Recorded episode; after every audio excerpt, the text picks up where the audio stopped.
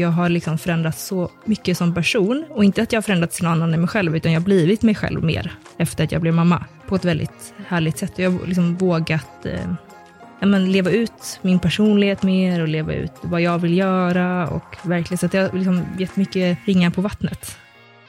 Men det har varit svårt att skapa någonting helt nytt och starta ett bolag och få det att växa samtidigt som att man har ett litet barn där hemma som man vill ge allt och liksom vara närvarande med och vara engagerad i. Och det har varit väldigt utmanande och på det väldigt lite sömn. Det, det är liksom en ekvation som inte är sådär jättelätt. Hon är mamman och hjärnan bakom Instagramkontot, podden och boken Knatteplock som vill sprida matglädje i stugorna, främst till våra barn. 32-åriga Elin Oresten är utbildad civilingenjör, men själv utbildar hon andra om plockmat för barn. Hur har resan med att starta bolag sett ut egentligen?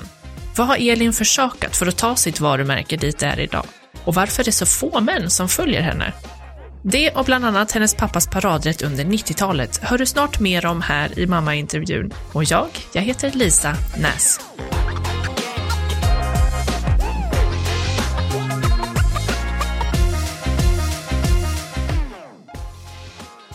Så, nu är vi igång. Kul att få träffas. Jag har sett att du precis kommer från chatt på mammas sajt. Ja, väldigt kul. Få massa härliga frågor. Mm. Du är ju aktuell med eh, en ny bok. Ja. Ska vi se så jag ser rätt. Knatteplock. Mat ditt barn kan äta själv från sex månader. Mm. Mina barn är ju större än så, mina barn är tre och fem. Har jag någon nytta av din bok? Absolut. Alltså, både tipsen i liksom faktadelen som är i början av boken, men också recepten. Alla recept jag tar fram är till för att det ska funka för alla åldrar. Även oss vuxna ska ju kunna uppskatta den maten. Mitt mål är att liksom hjälpa till med att skapa mer gemensamma familjemåltider. Så det tycker jag absolut. Mm. BLV handlar ju din eh, bok om. Ja. Kan du beskriva vad det är för någonting för den som inte är bekant med begreppet? Ja, ja, men det slängs ju lite med det där begreppet ibland, märker jag. Men BLV eh, betyder baby-led weaning på engelska. Och man kan lite slarvigt översätta det till barnstyrd matintroduktion. Och det betyder egentligen att barnet får äta helt själv från start. Ofta från sex månader, när de är redo för att äta själva. Och man skippar helt enkelt eh, hela puré-stadiet där man skedmatar. Och låter bebisen äta helt själv från Mm. början. Just det. Du driver ju Instagram-kontot med samma namn som boken Knatteplock. Ja. Och jag tror det var i boken jag läste att du sa att barns matglädje hade blivit min, min hjärtefråga. Mm. Hur blev det så? när jag startade kontot så, men det växte ganska snabbt och jag märkte eh, vilket behov det fanns av inspiration och information kring men mat generellt till barn.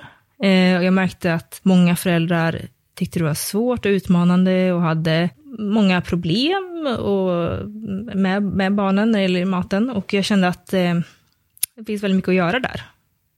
Bara genom att informera och inspirera kring, kring maten. Att det inte ska behöva kännas så svårt eller så avancerat. Och när jag märkte också att mitt konto kunde hjälpa många, då blev det ju verkligen så att det växte fram och blev en hjärtefråga det här. Just det. Jag vet att när mina barn var små och jag var i den där svängen med introducera mat, så kom jag i kontakt med BLV i någon Facebookgrupp, Ah, där det mm. liksom var recept och, jag vet inte, bilder och historier. Varför behövdes liksom ditt konto?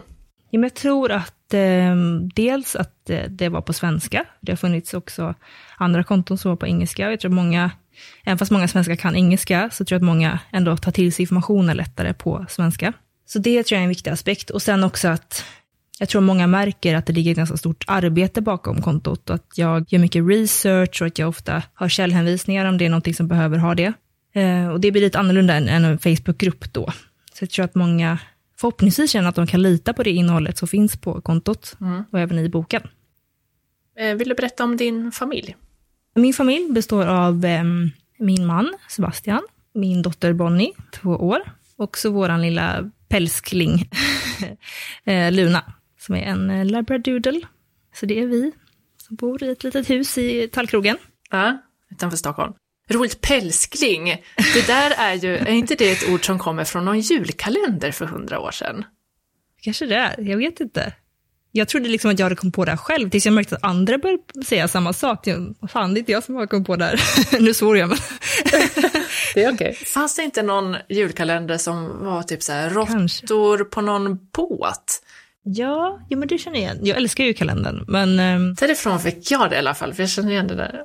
Ja, ja kanske det. Det är ett härligt ord. Ja, verkligen. Men du, eh, Bonnie då, två år. Ja. Hur var det för dig att bli mamma? Eh, men jag tyckte att det var fantastiskt faktiskt. Alltså jag har alltid älskat barn, så, men sen så har jag kanske inte alltid vetat när jag själv skulle vara redo för att få barn. Och jag hade inte jättestor barnlängtan heller när jag blev gravid. Så.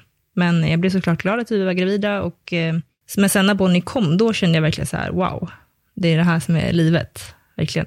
Eh, även fast det växte fram, det var inte så att det var från dag ett eller liksom rakt på förlossningen där. Så jag tyckte att det har varit en eh, otrolig eh, resa och jag har liksom förändrats så mycket som person. Och inte att jag har förändrats till någon annan än mig själv, utan jag har blivit mig själv mer mm. efter att jag blev mamma. På ett väldigt härligt sätt. Jag har liksom vågat eh, men leva ut min personlighet mer och leva ut vad jag vill göra. Och verkligen, så att jag har liksom gett mycket ringar på vattnet, tycker jag. Hur kommer det sig att du har vågat det, tror du? Men jag tror att jag har känt att eh, livet är så kort och, att, eh, och hur det kan kännas att verkligen vara lycklig, så som jag blev med Bonnie när hon kom. Och att jag känner att det vill jag verkligen bejaka. Att det är ingen idé att göra saker man inte mår bra av eller in, inte blir lycklig av. Och att det är ingen idé att hämma sin person heller, för att det kan vara läskigt eller vad det nu kan vara. Mm. Man mognar lite också när man får barn, tycker jag. Mm. Verkligen. Man blir inte så eh, självcentrerad längre heller. Och det tror jag gör gott för ens eh, mående. Faktiskt. Mm. Finns det någonting då som, som det här har lett till, rent konkret? Att du blev mer dig själv eller att du vågade mer efter att du blev mamma? Ja, men eh, det största exemplet är ju knatteplock. För eh, jag jobbade ju med något helt annat innan knatteplock. Mm, vad gjorde du då? Jag har jobbat som, eh, jag utbildade civilingenjör och började jobba som managementkonsult efter studierna. Jag har jobbat med affärsutveckling med inriktning på hållbarhetsfrågor i många år. Med massa olika bolag. Eh, och eh, jag tyckte att det var roligt, men jag hade väl inte den här känslan av att jag brann för det riktigt. Och det, jag vet att jag tänkte ofta under när jag jobbade att det här är kul, men är det verkligen det här som jag brinner för? Och när jag blev mamma så var det så här, men nej, jag måste göra någonting jag brinner för. Och jag har alltid velat jobba med mat, hälsa, barn. Och då blev det här den, den perfekta kombinationen. Mm. Sen var det inte uttänkt från början, men det gled in i det på något sätt. För att jag faktiskt vågade mm. ta steget. Mm. Kul. Du har ju sagt att du själv alltid haft en positiv relation till mat. Eh, var, var kommer den ifrån? Ja du. Jag tror att det ändå kommer från uppväxten från början. Att eh, vi har haft en väldigt bra matkultur hemma. Vi har ätit det mesta och inte lagt så, så stor värdering i, i maten. Och sen har det följt med mig. Men sen har jag också varit ganska medveten från liksom tidig tonårsålder att jag har sett hur kompisar har utvecklat en, en eh, mer negativ relation till mat, som många gör i den åldern, och har blivit väldigt medveten om det tidigt och försökte liksom nästan spjärna mig emot det där väldigt, väldigt tidigt. Och det vet jag inte var det kommer ifrån. Men jag, jag blev liksom anti allt som hade med att man skulle banta eller liksom hela den grejen. Och istället såg jag det som min uppgift att försöka hjälpa mina kompisar att inte hamna där och mm. försöka vara någon slags motpol i det. Och det kan jag se tillbaka på nu och tycka att det var väldigt konstigt att, jag, att, jag hamnade, att jag kände så redan då. Men, eh, och det har ju hjälpt mig jättemycket att jag har haft den inställningen och försökt vara lite nykter i det där. Mm. Inte hänga med i, i det som många gör, att man börjar tänka mer på vad man äter eller hur man ser ut och så mm. i den åldern, i tonårsåldern. Mm. Och eh, sen har det hängt med mig. Och sen så har jag väl haft perioder där jag har tänkt mycket på så här, att det ska vara näringsrikt och sådär. Eftersom jag alltid varit väldigt intresserad av mat, så har det kunnat svänga åt andra hållet, att jag vill att det ska vara så här, åh, det ska vara så näringsrikt jämt och så. så att, och det, det kan jag se tillbaka på och tänka att det kanske inte var så sunt ibland. Mm. Att idag så är jag väldigt för mycket för balans, att kosten får rimma både onyttigt inom citationstecken och nyttig mat. Mm. Eh, för det tror jag man mår bäst av. Mm. Eh, så det har ju såklart, min relation har ju förändrats över tid, men har alltid haft en väldigt så här, bra grundinställning till mat. Mm. Härligt. Det känns ju nästan som att det är liksom mer undantag än regel. Ja, Vår tyvärr. generation, tyvärr. Tyvärr är det så. Men du, när du var eh, bebis då, fick du äta maten själv? Vet du det? Eller var det någon som matade dig? Ja, det är en bra fråga. Eh, nej, jag tror faktiskt att, för jag har pratat med mamma om det här och eh, mamma tycker att det här är jättehärligt nu. Hon, hon verkligen är ju så, heja på. Men eh, på den tiden så var det ju, det fanns inte på samma sätt då, tror jag. Utan då var det ju verkligen den här, det var väldigt starkt med just purerad mat och burkmat och så. Så att vi fick nog mycket sånt till en början. Men sen vet jag att hon också sa att hon lagade mycket egen mat också, men att hon kanske mosade det och så. Så jag tror att jag fick ju mycket hemlagat från väldigt tidig ålder. Mm. Har du några syskon? Eh, ja, jag har en nio år äldre bror. Mm. Okej. Jag är en liten sladdis. Ah, precis. Du nämnde din mamma där. Finns det någonting som du tycker att hon har gjort bra, eller din pappa för den delen, i rollen som föräldrar som, som du vill kunna ge till Bonnie eller ta efter? Eh, På ett generellt plan, Ja, tänker du? Mm. Ja, det finns ju såklart eh, massa saker. Min mamma är väldigt eh, engagerad. Hon är den mest engagerade mamma man kan ha, känns det som. Alltså vad det än är. Det kan vara så litet som att man ska köpa ett nytt eh, spårvagnskort, jag är från Göteborg. Liksom. Och då, det, är så hon, hon kommer ihåg exakt när man ska byta och datum. Alltså hon är verkligen så. Eh, och det engagemanget, det vill jag ta med mig till mitt barn. Även fast jag själv kanske tyckte det var lite jobbigt ibland. liksom med, med mamma som skulle in och peta i allt. Jag vet att hon gjorde det av ren kärlek, såklart. Mm. Så det tycker jag är fantastiskt. Mm. Och av min pappa så skulle jag vilja ta med en eh, väldigt så här, positiv inställning till livet. Alltså att han, är väldigt, han tar väldigt lätt på saker. Och eh, var inte så orolig av sig. Min mamma är mer orolig av sig. Det kommer väl med det här engagemanget på något sätt. Mm. Medan han var lite mer, ja, tog ganska lätt på saker. Och det kan också vara en nackdel ibland. Men det blev också väldigt bra dynamik i det där. Mm. Och en lättsam miljö hemma. Just det. Jag tror det var i din bok också som jag läste att du och Sebastian, din man, hade pratat, innan ni blev föräldrar så hade ni pratat lite om hur ni ville vara som föräldrar och Mm. sådär. Vad, vad hade ni tänkt då? Jag tror en sak som vi båda har pratat om väldigt mycket, det är ju det här med att prata med barn tidigt om eh, känslor och vad de tänker och fånga upp saker och verkligen vara nyfiken på barnet. Det tror jag är jätteviktigt och det är någonting som både jag och Sebastian, då, min man, värdesätter. Och det är något som vi pratade om innan, att det ska vi verkligen göra med våra barn. Mm.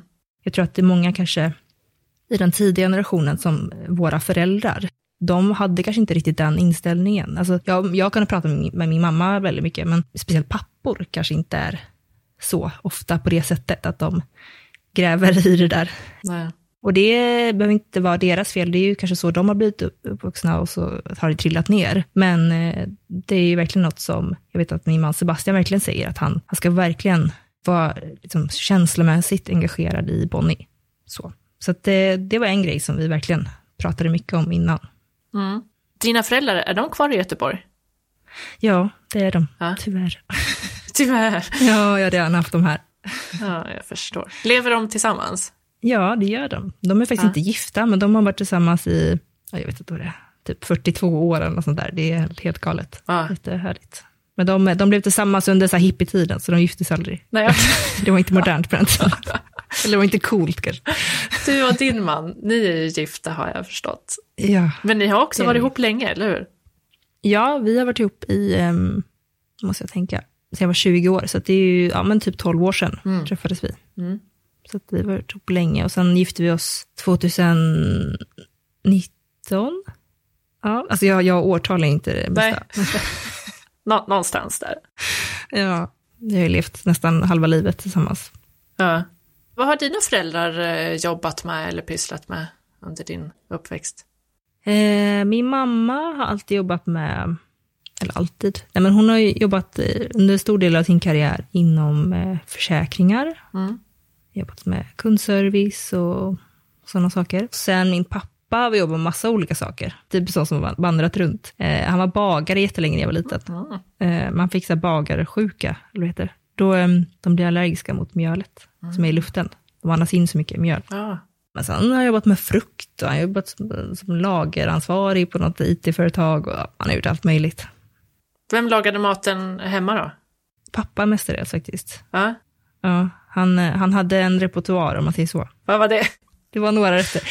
Nej, men han var faktiskt jätteduktig. Han, han gjorde mycket mat, men han, han, han, fick dille på vissa rätter och så blev det dem Ja. länge. Vad kunde det vara då? ja, men det här låter äckligt, men det är faktiskt ganska gott. Men det är något som kallas dillköttfärs. Okej. Det är en, det är en köttfärsrätt Mm.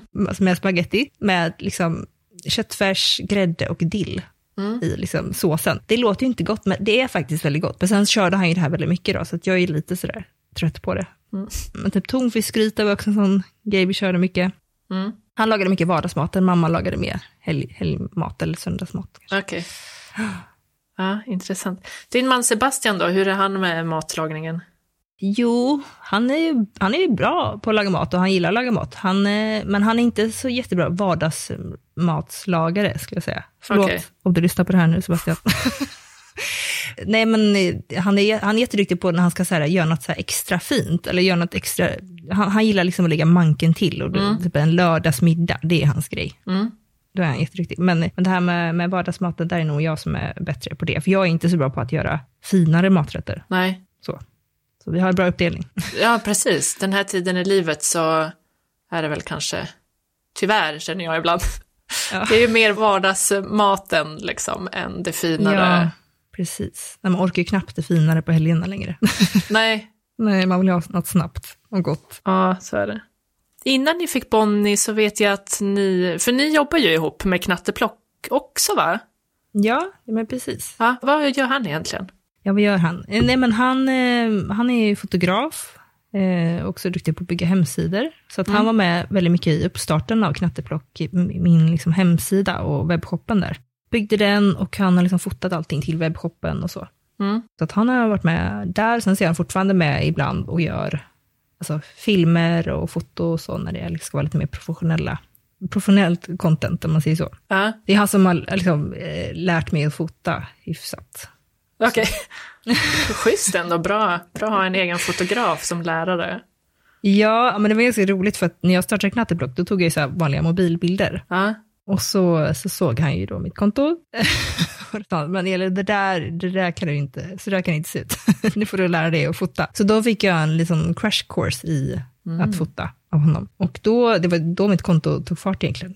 För jag tror att mobilbilderna var nog inte så jättefina och roliga att kolla på. Alltså jag gjorde ju lika kanske bra recept innan, men att det, det såg finare ut. Eh, Och det är ju A och O, i alla fall har varit det på Instagram. Att det ska se fint ut. precis. Innan ni fick Bonnie så hade ni också ett bolag som heter Content Studios där ni Ja, du har grävt. ja, producerade läderprodukter. Laptopväskor och några små, Ja, små korthållare eller vad heter det? Ja, lite plånböcker och sådär. Ja, Vad hände med det?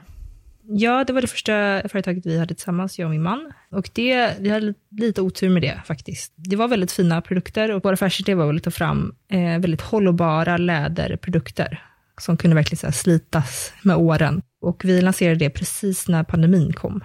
Och det, vår så här, grundprodukt var ju ett laptopfodral, en massa olika färger och det var inte jättebra kanske när alla skulle jobba hemifrån. och, eh, ja, men det, blev, det bara flög inte. Och sen så blev jag gravid där eh, och min man kom in på Polishögskolan. Han är också polis, förutom Jaha, att han är fotograf. okej. Mm. Så um, det blev liksom väldigt mycket samtidigt där. Jag blev gravid, han skulle börja plugga till polis, eh, det gick inte speciellt bra och då bestämde vi för oss, nej men vi, vi pausar det här. Vad lärde du dig av eh, liksom, den tiden? Ja, men alltså, vi lärde oss så otroligt mycket inför att, liksom, det här med knatteblock nu. Så att jag är jätteglad att vi gjorde det. Eh, vi lärde oss ju hur man bygger en hemsida, hur man, hur man ska tänka kring marknadsföring, annonsering, eh, lager och logistik. Allt sånt. Så det var liksom, vi gjorde egentligen bara replika av det när vi startade webbshoppen Just det. och satte upp samma struktur. Så det var jätte, jätteanvändbart faktiskt. Hur ska man tänka kring lager och logistik? För ni säljer ju fortfarande en massa produkter som har med barns ätande att göra. Ja, ja men precis. I webbshoppen så säljer vi eh, ja, allt som har med barns ätande att göra. Muggar, förkläden och tallrikar och ja, allt sånt. Eh, ja, men det bästa tycker jag är att man använder en tredjepartslösning, ett tredjepartslager som man hyr, hyr tjänsten av. Så det betyder att man, man behöver egentligen inte göra någonting själv när det alltså, har med lager att göra, utan det man behöver göra är såklart att göra inköpen, men eh, så fort det kommer en order från hemsidan så går den till lagret och de packar den och kör iväg den. Mm. Så eh, då slipper man tänka på den. Vi hade faktiskt tänkt att ha lagret hemma första Mm. tiden, för jag tänkte så här, men det här kommer ju, det kommer ju ta lång tid innan vi kommer upp i några volymer. Och så första dagen så sålde ju allt slut och det blev ju, min man och våra grannpojkar fick stå och packa i vår källare. så det vart ju kaos. Och efter den dagen så sa min man, nej, det, blir en tredjebrödslösning Ja. direkt. Vi kan inte ha det här i källaren. Nej, Så då flyttar vi den. okej. Vad lärde du dig om, du nämnde också marknadsföring och något mer sa du? Ja, eh, men främst annonsering. Vi jobbar mycket med annonsering på Mm. Facebook och Instagram. Så där lärde vi oss hur man ska sätta upp det på bästa sätt och när man ska byta ut material och ja, hela den biten. Sen har jag ju otroligt mycket, eh, på ett sätt, gratis marknadsföring via mina kanaler. Mm. Så det är ändå det är bra. Mm. Men det var, det var Instagramkontot som kom först, var det så?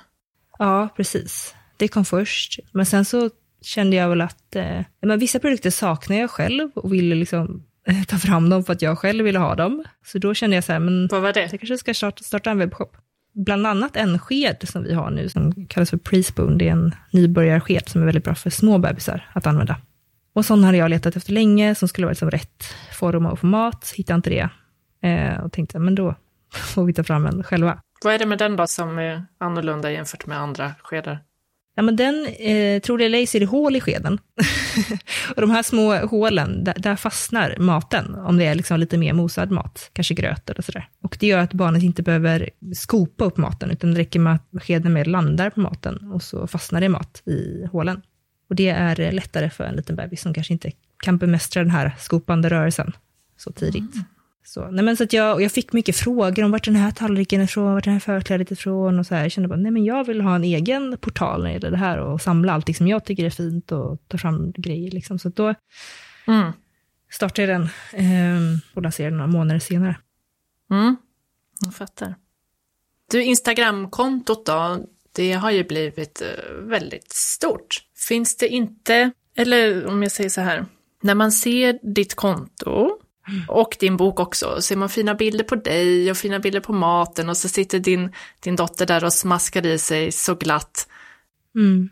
Det kan inte bli så att, att man känner att, men måste jag göra det här också? Måste jag koka något, något päron och skära i lagom stora bitar och ge till mitt barn? Alltså, det finns väl en anledning att det finns burkmat som är färdig?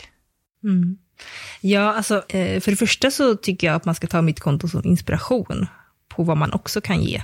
Jag är väldigt noga med att aldrig komma med pekpinnar eller säga att man måste saker, eh, för det tycker jag är helt upp till var och en. Och att man gör saker som passar ens egna familj och ens egna barn. Det är grundtanken. Och det tror jag ändå, folk som ändå följer mig och ändå följer mig på ett hyfsat engagerat sätt, märker nog att det är så, att de får plocka det som passar dem själva. Sen finns det säkert de som blir stressade också. Och eh, det, så tror jag att det är med mycket med eller barn, att man eh, läser mycket överallt och det är klart att det kan stressa.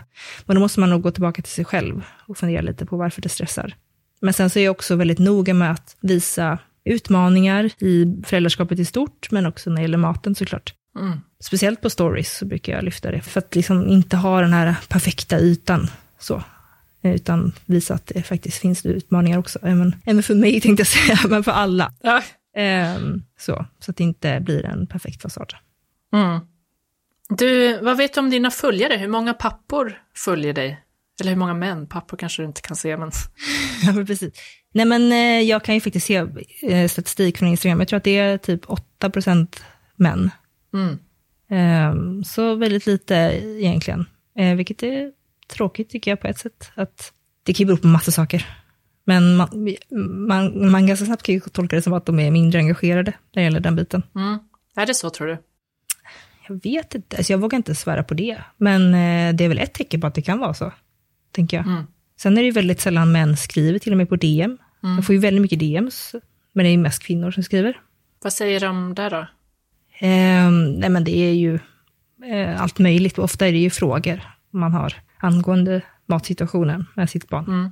Min grundtanke har alltid varit att svara på allt. Men jag tappade någonstans i höstas, Ja. eh, där det bara blev för mycket. Och sen så började jag liksom Instagram radera när det blir för gammalt. Och då kände jag bara, nej, nu, har jag, nu har jag helt tappat det. Mm. Finns det någonting som är det vanligaste folk frågar då, som du kan få chans att svara på här? Ja, det finns ju absolut, jag skulle säga att 90% av frågorna är likadana. Mm. Att det kanske är fyra, fem frågor som återkommer hela tiden. En av de vanligaste är väl det här att, åh, jag är så rädd att mitt barn ska sitta i halsen. Mm. Så man, man känner en stor rädsla och oro för det. Vad säger du då? då? Ja, beror på lite vad de mer berättar. Men eh, dels så förstår jag oron, jag var själv orolig i början. För att man har ju någon slags bild av att bebisar bara kan äta puréer.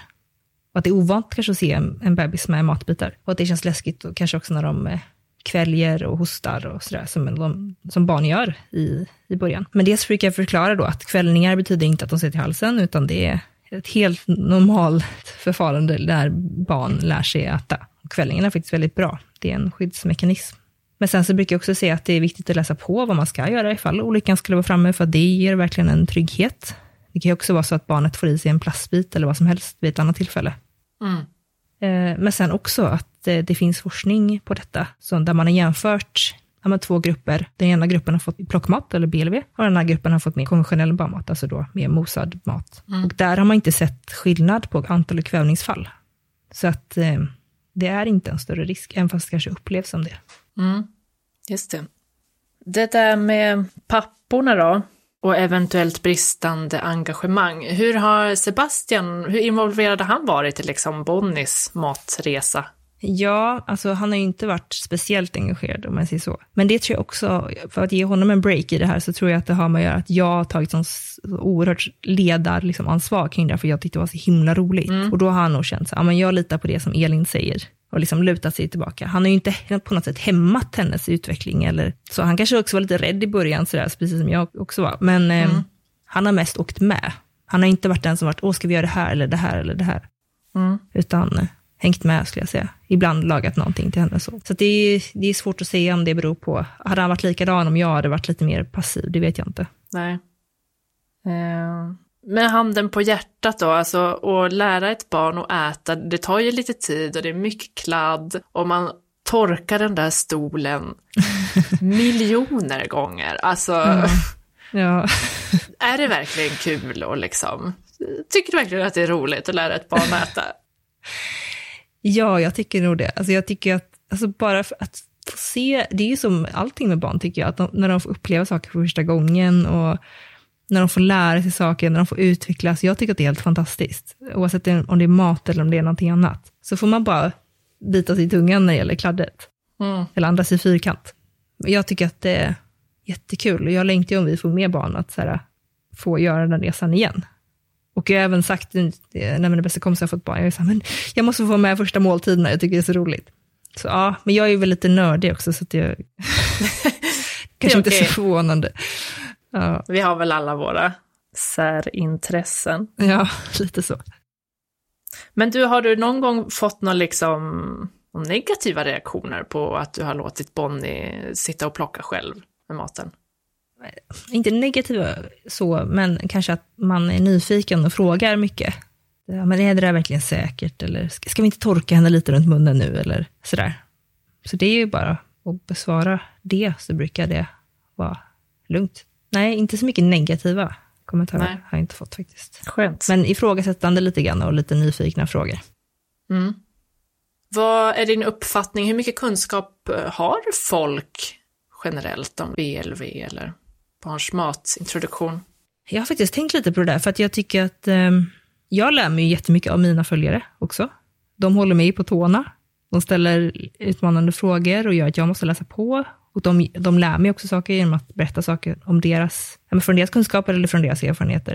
Eh, men sen så inser jag ju också att mina följare följer ju mig och liksom kanske också har ett intresse för det här. Och det är en liten klick. Så. Och att eh, utanför den klicken så kanske det ser annorlunda ut. För ibland kan jag känna så här, men folk kan ju så mycket, jag är så imponerad. men eh, samtidigt så får jag också, nej men vänta nu, det kanske också är att det är de jag möts av, det är de som skriver till mig och, och sådär. Mm. Även de som är lite extra intresserade, tror jag. Mm. Så det, är- det är svårt, jag har inte tagit tempen på, på resten. Mm. Du, du har ju en eh, podd nu också. Ja, Knatteplockspodden, heter den det? Så är det nu? ja Knatteplockpodden. Mm. Vilken skräll. Ja. Varför kom den till? Eh, ja, men den kom till lite ur ett själviskt eh, perspektiv. Jag tycker att det är väldigt kul att prata med experter. Jag tycker det är kul att prata med folk i allmänhet och få höra deras erfarenheter och insikter. Så eh, det var väl lite där. Och jag tycker att det finns mycket roliga ämnen att prata om när det gäller barn och föräldraskap och mat. Och det var för att jag själv ville lyssna på de här personerna och så tänkte jag att det kanske är någon annan som vill lyssna på dem också. Mm. Lite så. Mm. Du eh, som också ny i poddvärlden, du har ju Libro som sponsor. Ja, jag hade det i alla fall. Nu har vi pausat lite. Jaha, inte längre. Hur fick du med dem på tåget? Nej, men vi har en ganska bra relation. Jag har också lite eh, samarbete med dem på min Instagram. Mm. Vi lägger upp lite recept tillsammans och sådär. Så eh, det var väl på den vägen. Skrivit en artikel åt dem och sådär. Så att, ja, har man en bra relation från början så är det ju alltid lättare såklart. Mm. Än att höra av sig kallt när man har en helt ny podd, till exempel. Ja, precis. Jag antar att du gör lite samarbeten på Instagram också, eller? Nej, jag gör faktiskt inte jättemycket samarbeten. Nej, jag Nej. Eh, gjorde ett aktivt val för var ganska länge sedan. Att jag kände att ehm, jag kommer säkert ha lite samarbeten då och då, som jag har med Libro och så, som är liksom en långsiktig partner. Nej, men just det här att det blir lite reklam hela tiden. Jag vill inte ha det på mitt konto just för att jag vill inte undergräva trovärdigheten. Jag vill inte att mitt konto skulle handla om det, utan jag vill att det verkligen skulle vara en plats för gedigen information och inspiration och inte mycket mer än så. Sen gör jag ju reklam för mitt egna varumärke en hel del. Och det är väl det som jag i sådana fall vill ska ta plats när det gäller den biten. Mm. Hade du inte kunnat eh, tjäna ganska mycket pengar på att samarbeta? Jo, men det här kanske låter klyschigt, men jag, jag drivs inte av pengar på det sättet faktiskt. Jag, jag drivs mycket mer av att, eh, ja, men att eh, nå min vision och att eh, jobba med det här av andra anledningar. Och sen så, klart att jag måste tjäna pengar och klara, så att jag klarar mig som alla andra. Mm. Och där är ju bland annat webbshoppen ett medel för det. Och då är jag mycket hellre Mm. min egna webbshop med produkter som jag står för, som jag tar fram, som har med min liksom, core att göra och promota den, än att promota liksom, Ja. jag vet inte, kläder för barn, till exempel. Ja. Det känns bättre för mig, i min mage. Har du fått någon reaktion från dina följare på det där? Har de liksom delat med sig av vad de tycker om det? Jag tror inte att jag har pratat om det öppet faktiskt. Om du tänker på hela grejen att jag har liksom valt bort lite reklam. Ja, för det är ändå lite ovanligt idag. Det är liksom Ja, var och varannan människa gör ju sånt liksom. ja nej men, och det var väl därför, jag kände också att jag inte ville göra det. lite så, för att jag är lite trött på det. Men, eh, nej, men jag har inte sagt det liksom, på det sättet öppet. Eh, men jag känner inte att jag behöver det heller på något sätt. Jag gör ju det bara för att jag själv känner så. Mm. Men skulle någon till exempel ifrågasätta varför jag gör reklam för min egna verksamhet på min Instagram, då kommer jag ju ändå kunna säga att jag gör det för att, ja men dels för att jag är stolt över produkterna först och främst, men eh, också för att om jag ska ha någon inkomstkälla så är det ju det. Och Mm. då har jag hellre reklam för det än för en massa andra saker. Mm. Du, du nämnde din eh, vision där. Vad är din vision? Ja men eh, min vision är ju att ehm, Ja, men i, I det liksom fluffiga så är det att eh, jag vill verkligen hjälpa familjer och att hjälpa barn att få liksom, den matglädjen som de faktiskt kan få. Och det behöver inte just vara plockmat, utan jag pratar ju liksom generellt om matglädje och hur man kan eh, främja den. Men sen så finns det ju en mission i att eh, utbilda kring plockmat. För att det ska bli lika normalt, eller man ska säga, som burkmat är idag. Jag tycker att allting får plats, burkmat, puréer, plockmat, allting. Men att eh, ibland kan plockmat kännas som något väldigt främmande och det skulle jag vilja göra någonting åt helt enkelt. Ja, min vision är väl att plockmat ska vara så naturligt som allt Mm. annat är idag. Du, jag vet inte om jag har någon mer fråga. Jag kanske ska kolla igenom mitt papper här. Om jag har fått med allting. Det var bra frågor. Ja, men tack. Ja, men en sak då. Ja, men när man ser på ditt konto, lite det jag var inne på förut, att liksom det finns så många fina maträtter och boken är så fin med färgglada sidor och Mm. ja, men det känns som att du är så duktig ju. M- Men äter Bonnie, äter hon liksom allt? Finns det något hon inte äter? Nej, men alltså, det är väl självklart, hon är ju ett barn och en människa. Jag själv, alltså, fast jag har en positiv relation till mat, så betyder inte att jag äter, älskar allt heller. Eller äter mängder varje dag. Nej. Och hon är ju likadan. Hon eh, har ju favoriter, vissa saker tycker hon mindre om och ibland tror hon inte alls för att hon kanske är sjuk eller bara är jättetrött eller sådär. Så det är verkligen inte så att det är någon perfekt situation hemma, mm. skulle jag inte säga. Sen att det är liksom fina bilder och så här, det, det är ju en annan sak. Och det är ju som jag sa förut, det behövs, behöver vara fina bilder för att det ska nå ut. Mm. Så är det Men jag försöker också bryta av det med lite annat också. Mm. Med lite roligare reels eller ja. lite så, som kan vara lite mer lattjo och visa lite mer verkligheten. Mm. Du, jag har fått intrycket i alla fall att du liksom är sugen på att få till barn. Mm. Om, om möjligt, får man väl säga. Ja, liksom. Inget man tar för givet. Finns det någonting du skulle göra annorlunda eller någonting som du känner det här blev så bra med Bonnie, det här ska jag verkligen göra igen, om du skulle få ett till litet barn? Ja, ja alltså det är klart att det finns små saker. Men jag tycker ändå att i det stora hela, jag försöker inte vara en sån person som ser tillbaka och ångrar mig eller så. Jag tycker att jag har gjort mitt bästa. Men sen är det klart att man lär sig saker som jag skulle ändra på kanske till nästa gång. Att man lär sig, ja det där kanske inte var det bästa sättet. Har du något exempel?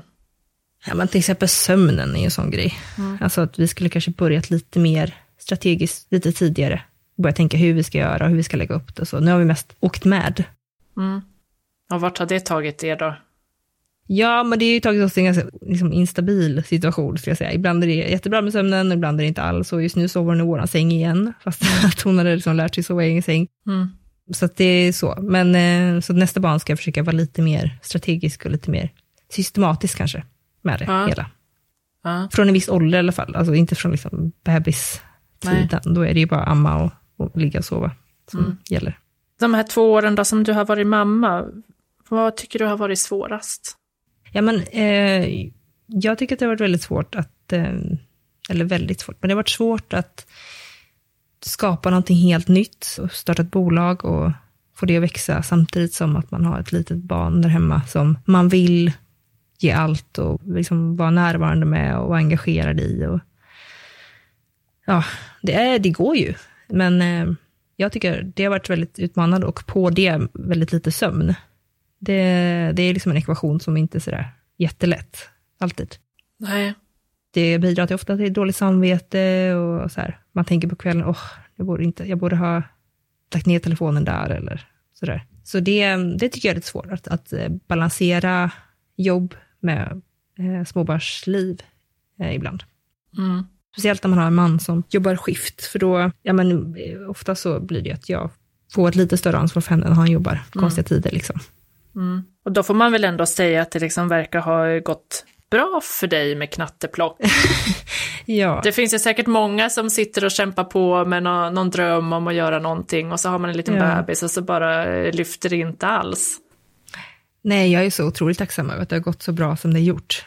Um, verkligen, alltså jag får ju nypa mig i armen varje dag nästan. Jag är jättetacksam. Uh, men det har ju varit otroligt hårt slit också. Mm. Vad har du fått eh, försaka då, eller vad säger man? Finns det något? Alltså egen tid, eller egen tid har jag väl haft på ett sätt, men jag har ju jobbat. Så mm. jag, eh, jag tittar ju inte på tv längre. På kvällarna så jobbar jag eller svarar på DMs. Mm. Jag har ju liksom hela min själ i knatteblock. Mm. Och det, det, är för att jag tycker det är så roligt, det här, annars hade det inte gått. Men eh, samtidigt så är det ju ganska tufft ibland också, att det är, att det är så mycket. Mm. Men eh, värt det. ja. Så det, jag tror inte folk förstår riktigt vilket hårt slit det är ibland, men det, det, det, är det värt när det, när det är roligt. Ja. Kul. Ja, men det var intressant, Elin. Eh, lycka till med boken och podden och allting. Stort tack. Tack ska du ha för att du var med. Tack detsamma. Lycka till med den här podden. tack. Hoppas att du gillade det här avsnittet och om du gjorde det, glöm inte att prenumerera och ge den här podcasten några stjärnor i appen där du lyssnar. Jag gör den här podden helt ensam och uppskattar verkligen allt stöd och all spridning som jag kan få. Tack! Vi hörs i nästa avsnitt.